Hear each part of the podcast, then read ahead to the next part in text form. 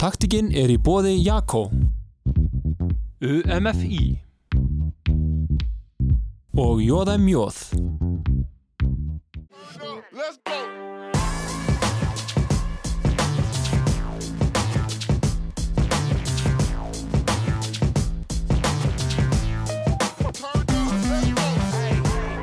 Já, komið sæl og velkomin í taktíkina. Það er heldur betur ástand í samfélaginu, það er ekki farið fram hjá neinum. Við ætlum hérna aðeins að taka stöðun á því hvaða áhrif þetta hefur á íþróttafélög og hinga til mín í setti er komið góðan gest Sævar Pétursson, framkvæmtastjóri Káa, velkomin. Takk hjá Já, það er óhætt að segja að þetta hafi mikil áhrif á e, íþróttafélögin og, og staðin hjá ykkur hvað hún er tekinn bara dag frá degi. Já, já, þetta er daltið þannig, við höfum ekki upplegað svona áður Þannig að við erum eiginlega bara að uppfæra starfsemi okkar dag fyrir dag, viku fyrir viku, um, en þetta er að hafa gríðilega áhrif bæði á allt starf og, og svo fjárhagsumhverju í Íþróttafélagina, þannig að þetta er svona skrifni tímar en, en við lærum eitthvað af þessu. Þetta er mjög fjölþægt og við byrjum bara að tala um eins og að halda út í æfingum. Uh, það er mjög fljótt í þessu ferli sem að já, æfingar eru blásnar af uh, og líka bara íþróttir innan, innan skólana. Hvaða áhrif hefur þetta? Þetta hefur náttúrulega mikil áhrif, þú veist, núna er bara káasvæði svo gott sem lokað. Það er lokað inn í Íþróttúsi. Við, við opnum einhverja örfá klukkustundir á dag til þess að hleypa eldstu yfkendunum í, í raun mjög sérhefðar nána stöðaþjálfun. Það sem að er haldið fjarlæðu, engi boltar, engin snerting. Þannig að við erum svona að reyna að halda uppi ákveðnu líkanlega atgeru hjá mönnum þar.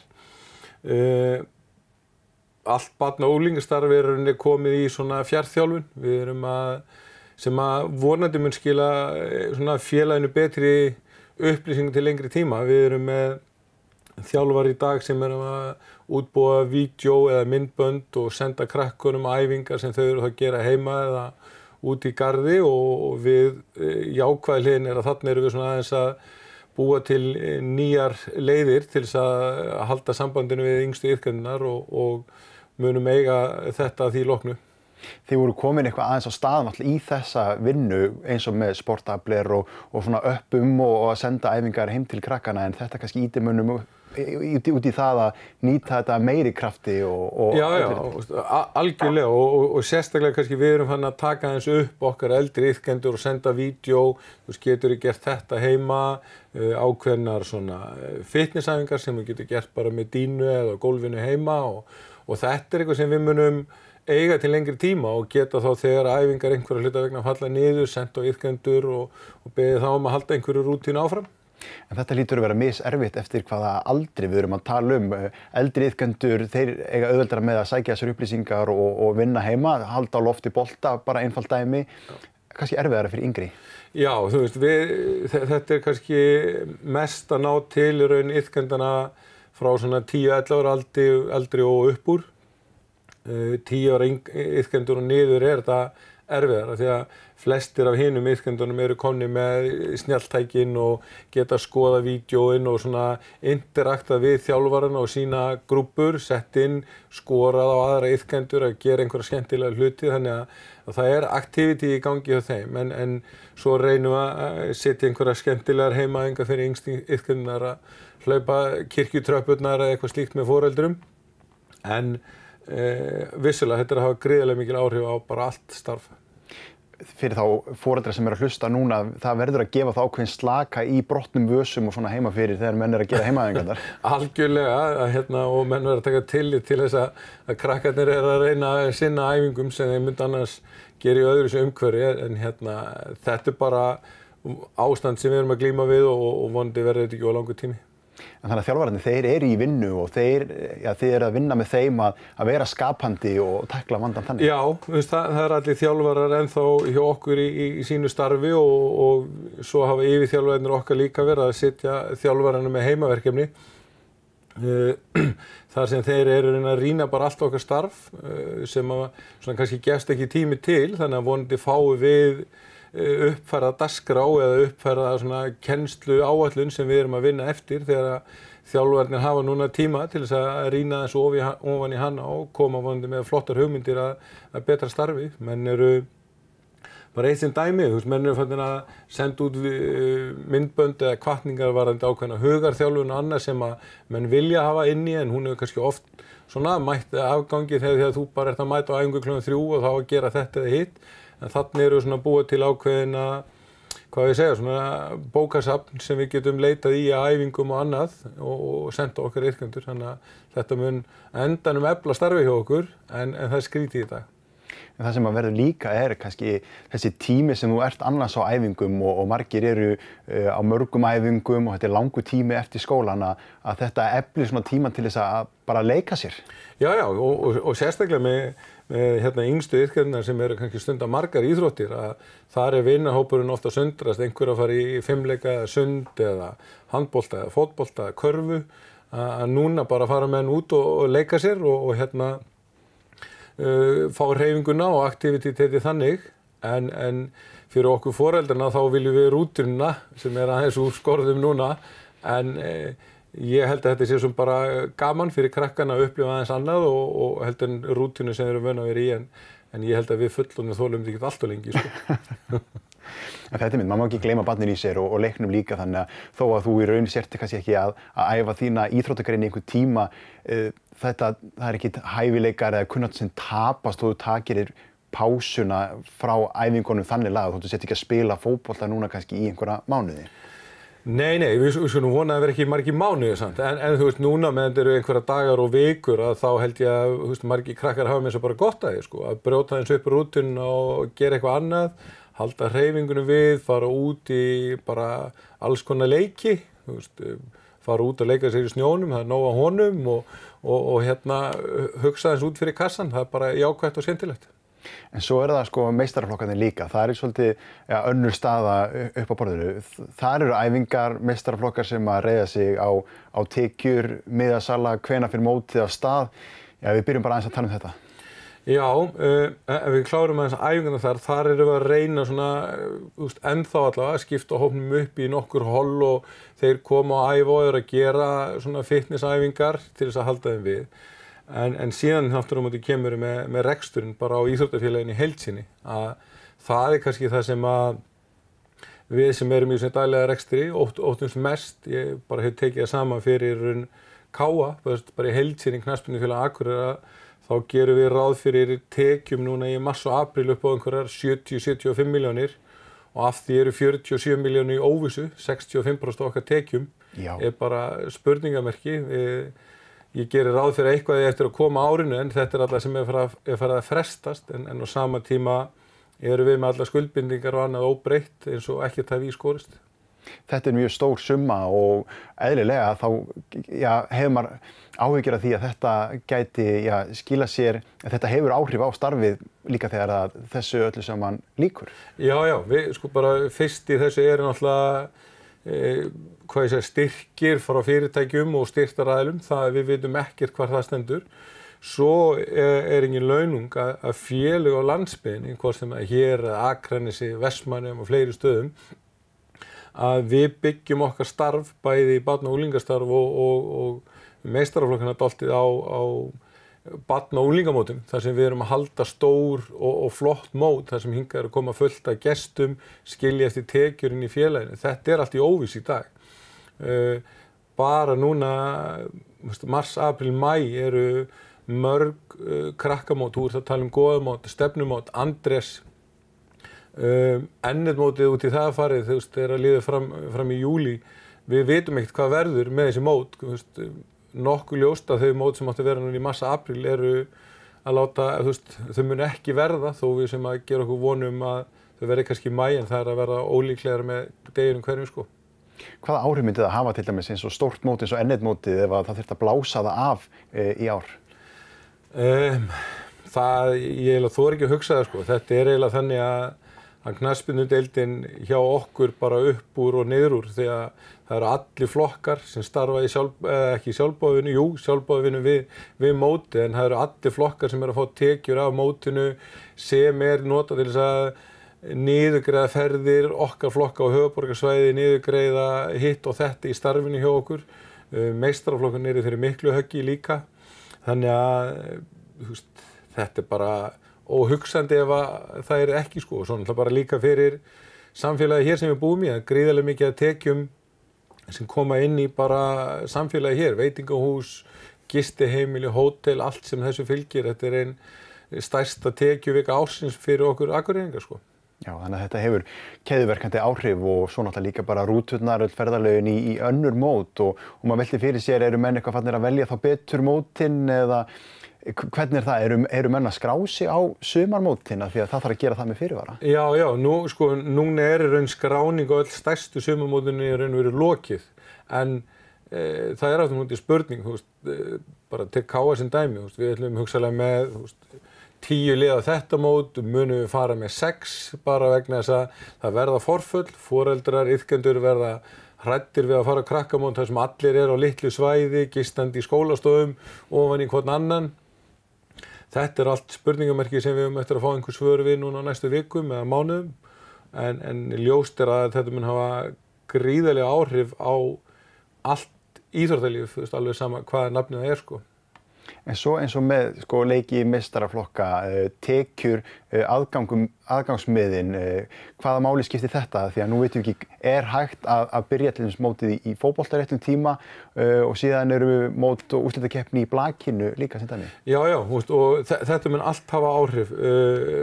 Tökum blaki, það er framöndan úslutakeppni, handbólti, búið á í körfinni en bara það að koma, komast í úrslutikefni er oft og rosalega mikil tekju póstur fyrir félögin. Uh, ef hún er flautuð af þá hefur það greiðilega áhrif fyrir meistarflokka viðkomandi félaga. uh, inn í fótboltan þá, þá hefur það vissulega áhrif því að mennurinn gera ráð fyrir núni í apríl ákveðni ásmiðasölu mótir að fara í gang og svo framvegis. Þess að tekjur munu frestast eða, eða, eða verða minni Eh, vest er það þó fyrir eh, innigreinar, handbóltan og blakið ef að það verður ekki úsleikefni, hún verður bara flöytið af, hún, þetta mun hafa áhrif á krakkan okkar, þú veist ekki búin að æfa núna í 6-7 mánu og kannski komin í úslitamót og sem átt að vera núna í april og menn vilja spila upp á titla og þú er búin að æfa með þetta markmiði núna í 7 mánuði og svo allt inn er það bara flöytið af og, og tímabilið er 0 og nix og þá bara byrja aftur næsta hausko. Þannig að auðvitað er þetta leiðilegt en þetta eru aðstæði sem við höfum aldrei tekist á við áður og, og enginn kannast við. Er þetta stórt hlutfall eins og í knasputnunni eh, miðasalega en á leiki? Er, þetta, er höggið ja, eftir vil ekki eins stórt þar eins og fyrir blakið þá? Nei, sko miðasalega mun meiri eins og, eins og í blakinu. Fó, tekjur knaspunni reyfingar en bara almennt. Þetta er svona 7-10% miðasalega á leikdegi af öllum tekjunum meðan þið mun starra hlutfall í, í sérstaklega liðum í, í bóltakarinu sem komast í úslítakefni en ef þú ert að fara að missa kannski 30-50% öllum styrtaræðilum þá er náttúrulega mjög vond að þessi ekki komin inn að tekjur inn á móti af leikum sem getur hjálpaði þá að brúa að bylja einhverju leiti sko. Sæver, við ætlum að taka örstutlið hérna og kíkja yfir auðlýsingar, við höldum áfram eftir þær. Taktikinn er í bóði Jakko UMFI og Jóða Mjóð.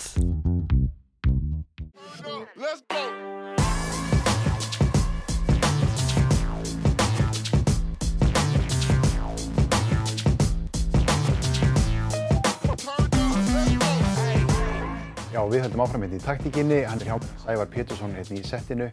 Sævar, eins og bara mestaraflokkur, ef við tökum knaspinduna sem dæmi, þar eru eh, erlendir leikmenn, eh, sko, svona ykkar á milli, hafa átt sér einhver samtöl á milli félaga, eh, eru menn, hvaða áhyggjur hafa menn af þessari stöðu? Já, félagin er sennilega aldrei verið í meira samtali sín og milli heldur þessa dagana. Við, hérna, Eh, það er ljóst, eh, alveg sama hvenar, veist, að menn þurfa að taka samtal við sína leikmannahópa, þjálfvara leikmannahópa, því að íþróttafélög hafa er unni enga aðra leið til þess að bregðast við niðurskurðartekjum heldur en að ræða við eh, sína starfsmenn og skera niður í kostnaðamóti. Þetta er, að reyka íþróttafélagi er svona bara pínu eins og að vera með húsfélag. Þú fer tekjur inn og þú fer tekjur út og þetta verður að ganga upp. Uh, nú erum við að missa tekjurna sem eru að koma inn og þú verður þá bregðast við með að skera eitthvað annað niður. Og þú hefur eiginlega ekkert annað heldur en það að ráðast í uh, tekjur leikmanna, tekjur þjálfara og svo framvegis. Uh, félögin í efstu tveimdildunum sem eru í, í samstarfin í Íslands toppbólta, þau hafa verið í miklu samtali síðustu daga og þar eru menna að það liggur ljóst fyrir að, að félögin er að fara í niðurskurð, er að fara í þetta samtal fyrir næstu mánu við sína leikmenn og, og þjálfara. Um, menn er bara ekki alveg búin átt að sjá hvað það samtal þarf að innihalda. Hvist, er þetta að tala um 10% eða 20% eða, eða, eða 70%? Sko. Það er bara mismöndi eftir hvernig félögin stand og hvernig menn er að reyna þessa dagana átt að sjá þeim tekjum sem þeir eru að missa. Nú er þetta mismikla tekið millir félaga líka, uh, svona prósentur 10, 20, 30, þetta eru mikla fjárhæðir. Já, já, við, við tökum bara síðan dæmi, ég, ég tók þetta saman aðeins bara í vikunni að tekjur 15 stæðstu knæspinu deilda á landinu 2018 er 3,5 miljardur. Þannig að þetta eru orðin mjög stóra atvinningarinn. Þannig eru fullt af yfkendum, fullt, af uh, þjálfurum og fullt af leikmennum sem eru með tekjur inn eða út. Uh, bara við það að þú farir 20% í tekjutab þá verða þessi klúpar 600 miljónir í mínus, 40 miljónir að meðatala klúp. Uh, þannig að ef þetta er 30% þá ertu komin í 900 miljónir rúmar og svo koll að kolli. Þannig að þetta eru svakalega háa tölur og ég held að menn átti sér ekki alveg láði hvað íþróttir eru orðin stór atvinningarinn. Þú veist, bara hérna á okkar svæðið Akureyri á hverju, á núna árinu 2019 er á milli 90 og 100 einstaklingar sem eru með einhverja atvinni hjá Káa, fá greitt að einhverju leiti, hvað sem eru hlutastarfið sem þjálfara, leikmenn og svo framvegis. Þannig að Káa er mjög stór vinnuveitandi á Akureyri og sama við, þú veist, stóru félagin fyrir sunnan, Valur, Breiðablík með alla sína yfkendur, þjálfara, leikmenn, þetta eru gríðarlega stór fyrirtæki, atvinnureikandur og, og þetta mun hafa mikil áhrif á okkar íþróttarsamfélagi eins og við þekkjum þetta. Það sé sér sjálf að þessi gött sem þú talar um, eh, þetta eru mikla fjáræðir, það er erfitt að stoppa í þetta, það er erfitt að skera niður einhvern kostnad til þess að eh, mæta þessu tapi sem að verður. Eh, tekjurinn í Íþróttafélag, þetta er þá, það er þessi meðasalinn sem við talaðum um, það eru styrkir líka og, og það er náttúrulega, eru, er ákveð óvissu ástand hvað var alltaf styrkir lítur að vera. Já, þú veist, í, í raun, eins og þú segir, þetta eru, þetta eru svona fjórir líkil þættir sem þú ert með. Þú ert með miðasöluna, þú ert með uh, hérna, uh, viðburði, þú ert með, með herrakvöld, þorrablót, alls konar viðburði sem eru á vegum félagana sem við erum að nota til að búa til okkar tekjur. Þú ert með styrtasamninga og svo ertu hugsaðlega með leikmannasölur. Þetta er nánast allt í veist, óvissu. Meir þess að viðbyrði sem eru sterkir hjá mörgum félögum í mars, apríl þetta er allt á hold, þetta er búið að fresta þessu öllu þetta voru að gefa mörgum félögum háar uppið styrtaraðlinnar okkar við veitum ekkert hvort þeir að komið að fara þannig að nú þegar eru við búin að fá veist, bæði í káa og mörgum öðrum félögum erum símtöl frá styrtaraðlum þar sem menn segja, heyrðu, við þurfum aðeins að fá að geima þetta, við þurfum að endum þetta stöðuna hvað við getum gert. Við, við teljum okkur trúum að við fáum styrkina en það er ekkit víst. Svo ertu með barna og úlingamótin, þau eru öll í óvissu og svo ertu með hugsalega leikmannasölu elendis. Eh, Þarun er bara sami spírallin í gangi. Þú veist, þú ert með, við erum að selja mikið leikmenn til Skandinavíu, Skandinavíu selur áfram til Ítalíu og Englands, það er allt stopp allstaðar mm. og þessar tekjur er ekkert að skilja sér á milli aðila. Eh, við erum að sjá, þú veist, það, það búið að mörg félagi Nóri eru bara að segja upp öllum leikmannasemningum. Þar fara leikmenn bara á atvinnutryggingu sjóða hjá Norska ríkinu, fá 60-65% af laununum greitt og svo bara endur með þetta stöðuna 1. mæ. Þannig að þetta er íþróttalífið er ekki bara íþróttin eins og ég þekki, en heldur þetta gríðilegt hagkerfi líka þar sem margir eiga bara allt sitt undir. Já, ástandi það er mismunandi milli landa líka og kannski önnu lönd þar er alvarlegra ástandheldur en hérna en þið náttúrulega eins og segir að vila að díla með leikmenn á milli landa og, og, og þá er þið fá það bara nei frá þessu löndum. Já, já og, og það er bara komið þannig, það eru mörg, eða ekki mörg, það er einhver íslensk félög sem er bara að lenda í því að þau ættu að fá ákveðna greiðslur sem að skilabóðin eru bara hér allt stopp, við erum ekki að fá okkar tekjur, þú veist þannig að við getum ekki greitt okkar skuldbindningar og svo, svo kolla kollið þannig að þetta er einn vinnu sem allarlega er niður. En sko, ef það er ekkert mót til þess að byrja og þú er búin að ráða hérna leikmenn til þess að spila ákveðnu móti, hvernig stað er það? Það er mjög skrítið og, og þetta er raun er e, bara fyrirspöld sem hefur farið inn til ISI veit ég að þú veist hvað ef mót er ekki haldið, þú veist hvar standa þá skuldbindingar í Íþjóðafélagana. Þú veist, þú ert ráðin í það verka þjálfa eða vera leikmæri lið í ákveðnu móti og svo er mótið ekki. Þú veist, hva, hvar stendur þetta? Íþrótta samningar, við, við erum að sjá það í dag, eru, eru mjög sérstakir því að e, þeir hafa verið hugsaður sín tíma til þess að verja bæði hagi leikmanna og félaga því að þú ert í raun með söluvöru sem að þú getur selgt leikmenn og svo framvegis og þá hafa allir leikmannasamninga verið bara tímasettir. Þú veist, þú er bara, hann gildi frá þessum tíma til þessa. En það er einn engin úrræði þegar að einn þjóðfélagi fyrir á, á hliðina að, að komast undan samninginu fyrir félagin. Og þetta hefur á sínum tíma verið gert til þess að einn tryggja það að leikmannin get ekki farið ef eitthvað félag vil fá hann og svo framvist, þannig að félagi fái eitthvað fyrir sinn, sinn snúð. En nú standa menn eh, uppi með það að það eru, eru alla skuldbindninga til áfram við alla leikmenn fram í, þú veist, í knæspunni er þetta fram í oktober, uh, hvort sem á mótið fyrir fram eða ekki. Gætu við sé stöðu sem er komin upp eins og á Nóriða sem að allir leikmenn ja, missa sína samninga?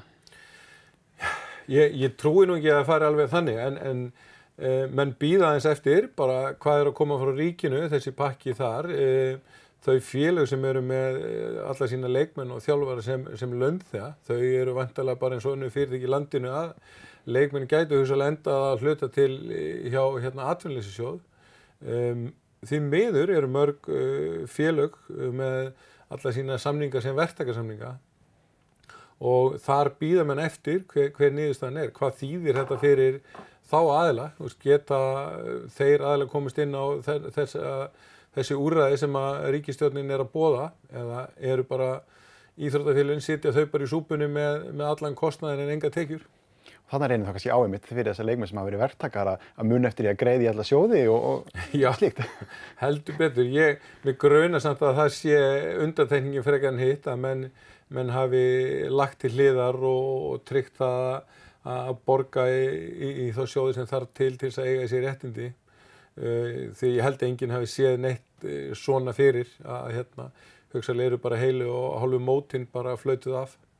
En eins og tímabilið eins og í knastbyrnunni að þetta er ekki innan hús íþrótt, já það er ekkert að leika knastbyrnu all, allan ásinsum kring hérna e, á Íslandi, þú veist vellir ekki tilbúinir, getur við fært þetta mót mikið til? Er hægt að senka því ef til þess kemur?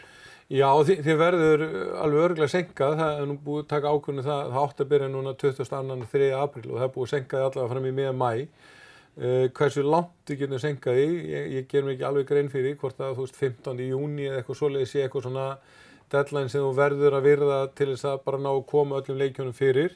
Uh, hinn möguleikin er náttúrulega lengja aðeins inn í haustið, uh, helmingurinn að liðanum í, í sömur í eftirdelt spilar allavega að gerðugra sig og, og það er spurning hvort menn verður bara að horfa þá til þess að geta klára mótið að hugsalega fengju við að spila einhverja leiki inn í bóganum eða eitthvað, eitthvað því tengt. En eins og ég segi, svo við getum fundið alveg frábæra leið í dag en svo á morgun þarf það að hugsa ekki allt annað sko. Já, en að þetta eru líka fleiri íþróttagreinar, þú veist eins og við erum að tala um handbóltan og blaki líka sem getur þetta að fresta sínu, sjáum við rosalega álagspunkt þegar loksins okkur verður hleyft á stað og það má fara allt á fullt, verður þá bara allir úslítaleikir leiknir, verður einhver úslíta vissla? Já, þú veist, það, maður vonar það en, en samt á sama tíma að þá spyrir maður sér hvað áhrif að hafa til þess að þú setur mikið úslítaleikjum í gang, Íslandsmótið að byrja, úslítakefni í blaki, handbólta, uh, mikið öðrum íþjóttaviðbjörnum sem býða, ég menna mega áhörundur koma, veist, eða máttu spila fyrir luktum dyrum til þess að móti geti klárast. Þannig að það er, það er mikið spurningamerkjum þarna, uh, en ég held að þegar að verði fyrir að stað þá verði fyrir okkur sem eru núna búin að sitja og horfa stillimyndina í nokkara daga að það verði mikið í bóði þegar það fyrir að stað. En verða leikminn allir í, í standi? Nú hlýtur þetta að vera alltaf öðruvísi undirbúningur þegar svo allt í einu má fara að leika fyrstu leiki. Já, algjörlega og, og það er nú partur af því að, að hérna, það er einhver samþygt inn í, í Íslandsmjöld Hópult og KSI er einhver að, að menn myndi ekki fara á stað með mótið fyrir en ég það minnst að þrem vikum eftir að samkomu banninu líkur. upp á það að gera, þú, þú veist, segjum það að móti byrji fyrsta júni og, og menn hafa kannski ekki spilað fótballleik frá því byrjun mars, að þú vilt alltaf ná einum, tveimur, þreimur æfingarleikjum áður en að fara að stað bara til þess að vita hverjir endast 90 mínútur og hverjir ekki sko. En þetta er kannski eitthvað sem þarf að skera niður þessir undirbúningsleiki. Þú vilt í hennum kannski bara byrja móti strax og það sé hreinlega hægt að klára það. Já, það, það gæti alveg verið en, en sko, þú veist, ef þú horfir á svona þjálfunna og atgerfi leikmanna að, að þá er kannski vond fyrir þá margir að leikmannum okkur eru byrjaðar og munum fleiri fara í sótkví þannig að kannski koma úr litli reyfingu allt inn inn í 90 minna leik munum en þurfa að setja eitthvað bráðabyrða ákveði um fleiri skiptingar eða eitthvað svoleiðis bara vegna líkanleins atgerfis. Þetta er allt spurningar sem menn er að spurja en engin veit svörum sko. Nei. Og svo einmitt líka þegar þetta á að fara á stað, þá í raun er þessi faraldur, já ekki liðin en allavega svona hans skeið er svona að dvína út og það er kannski ymmit þá sem að þú og íþrótafélagin sjá hvað virkilega áhrif þetta hefur haft bæði fjárhastlega og bara á allt starfið. Já, já, ég held með þess að við munum ekki átt okkur alveg á því fyrir en jápil bara sko þegar að það er lið, liðið vel á næsta haust bara þegar við áttum okkur á hvaða styrki við höfum fengið í hús, hvaða samningar stand og svo framvegis. Það sem við hræðumst jápil líka í dag er að við erum með ákveðna styrtarsamninga í gangi en, en munum bara fyrirtæki í landinu geta staðið við þá þegar á reynir í sömar, júli og næsta haust og svo framvegis bara í öllum greinum sko. Eða eða eru við bara að fara að byrja rekstur íþróttafélaga bara upp á nýtt eða bara verið að gera reset og, og, og það bara að byrja upp á nýtt sko. Eru íþróttafélagin að ræða þetta sín á milli og eru íþróttafélagi að vinna þetta saman? Til dæmis hérna einu akkur eru Þóru og Káa að vinna þetta eitthvað í saminningu? Já, já, ég, ég hérna, held að ég og Reymar, frangöndastjóður Þórsöfum, við tölum saman að hverjum einasta degi í, í dag og, og samskipt okkar og milli aldrei verið meira heldur en akkurat núna. Við erum að vinna í sömu vandamálunum og sömu uppákomunum þannig að það er mjög gott að geta leita til félag okkar hinn með lækin og, og, og við svona kasta hugmyndum á milli og rætt hlutin okkur á milli. Þú veist, ég held að það sé mjög gott samstarf fyrir báða aðila. Við erum að sjálfsögja í sambandi við íþróttabandalega okkar íþróttabandalega akkurar, við erum að heyra í sérsamöndunum okkar og við erum að heyra í, í stærri klúpum á höfuborgarsæðinu hvað þeir eru að gera í æfingum, hvernig þeir sjá fyrir sér uh, að tækla tekjumissin, hvernig það er að bregðast við, hva, hvað er hægt að gera, þetta er raun, uh, símin er eiginlega fastur á eranni hjá manna þess að daginn að hlera og ná, ná sér í upplýsingar hjá, hjá öðrum, þannig að við sem ekki að finna upp hjólið þegar allir er að reymbast við, við sama vandamáli. Já, þannig að það er mjög auðvelt að leggja ríin á hilluna í svona ástandi. Já, já, þú veist, og í, í dag eru við öll að glíma við erum samílan óvinn sem er raun, þessi veira en ekki, ekki hvora annar og, og ég veit til dæmis bara þjálfverðin í eftirdildi í fótbolta að, að þar var bara eitt sem tók sér til og opnaði bara spjallgrúpa á milli alla þjálfverðina þar sem þeir eru bara að deila æfingum og hvað þeir eru að gera í staðan fyrir að vinna þetta hver í sínu hotni þannig að menn geti átt að segja hvað er hægt og hvað er ekki hægt og sem er bara frábært framtak og þannig þurfum við að vinna á stundum sem þessum. Þannig að samskiptin þau eru gríðarlega mikilvæg, bæði millifélagana líka til þá yfgandana að það sé heldur ekki verið að taka ákvarðanir hver í sínu hotni, það sé svona svolítið samstafa um hvaða samskipti er verið að setja út og hvaða ákvarðanir er verið að taka. Algjörlega, Vi, við erum í miklu samskipti við þessa aðla, við erum fundum annað hver dag með, með starfsfólki og yfirþjálfurum, hvað má, þú veist, við, við erum nýtum tíman, við erum að ditta að alls konar hlutum inn í húsi, það er bara er lokað inn til okkar, við erum með allt starfsfólk á svæðinu, þannig að það eru jákvæði hlutir í þessu líka, við náum svona ná í skotti okkur með ákveði viðhald og annað inn í mannvirkjónum, en, en e, nummer 1, 2 og 3 þá eru bara samskipti og, og, og samtal sem þarf að eiga sér stað oft á dag þessa dagana og það skiptir líka miklu máli að halda utanum börnin í þessu öllu saman að því að upplýsingarna sem þau fá er oft í gegnum sína foreldra, það, þau þurfa að fá sínar upplýsingar því að þau hafa áhyggjur af þessu alveg eins og allir aðrir. Algjörlega og, og ég held að flest félög sé að reyna eftir bestu getur þar, við erum í Káa erum við með þetta í gegnum samskiptamila, sporteifnur og við erum með þess að koma með æfingakerfi í gegnum Instagram til þess að senda á yfkendur þannig að það er svona verið að reyna ímislegt til þess að halda þeim kontakt, að halda samtalenu við yfkendunar, hvað má og hvað er hægt að gera og, og svo náttúrulega eru þeir, veist, krakkarnir sem eru í skólanum að þeir eru að, að koma svona út á völl og leika sér, þau fara á sparkvellina áfram og vilja vera að hreyfingu, þau vilja ekki hanga heimallandaginn, þau vilja fá hreyfingu og, og, og aktivitet. Þannig að við reynum að vera bara jákvæðir yfir þessu og horfa á, já allavega þetta gefur ákveði sigurum til þess að, að horfa fram í tíman. A algjörlega og, og ég held svona þegar mennum verður búin að ná tökum á rekstræðilegum vanda sem er kannski mest ágefnið að þá hefur við eftir bara sem íþjóttafélög að standa betur, við hefum eftir að vera með meira efni á okkar, okkar höndum með, með skemmtilegum viðbótum sem menn er að kokka upp þessa dagan og, og þá eftir að styrkja íþróttalegu félagana til lengri tíma litið. Sævar, takk kærlega fyrir komuna og bara gangi ykkur vel í þessu öllu saman. Takk svo mjög leiðis. Takk áhörendur fyrir áhorfið, við sjáumst hress í næstu viku.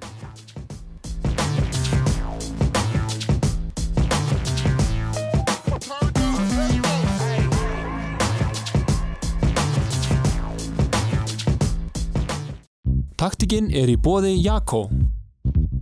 UMFI og Joe's Akureyri.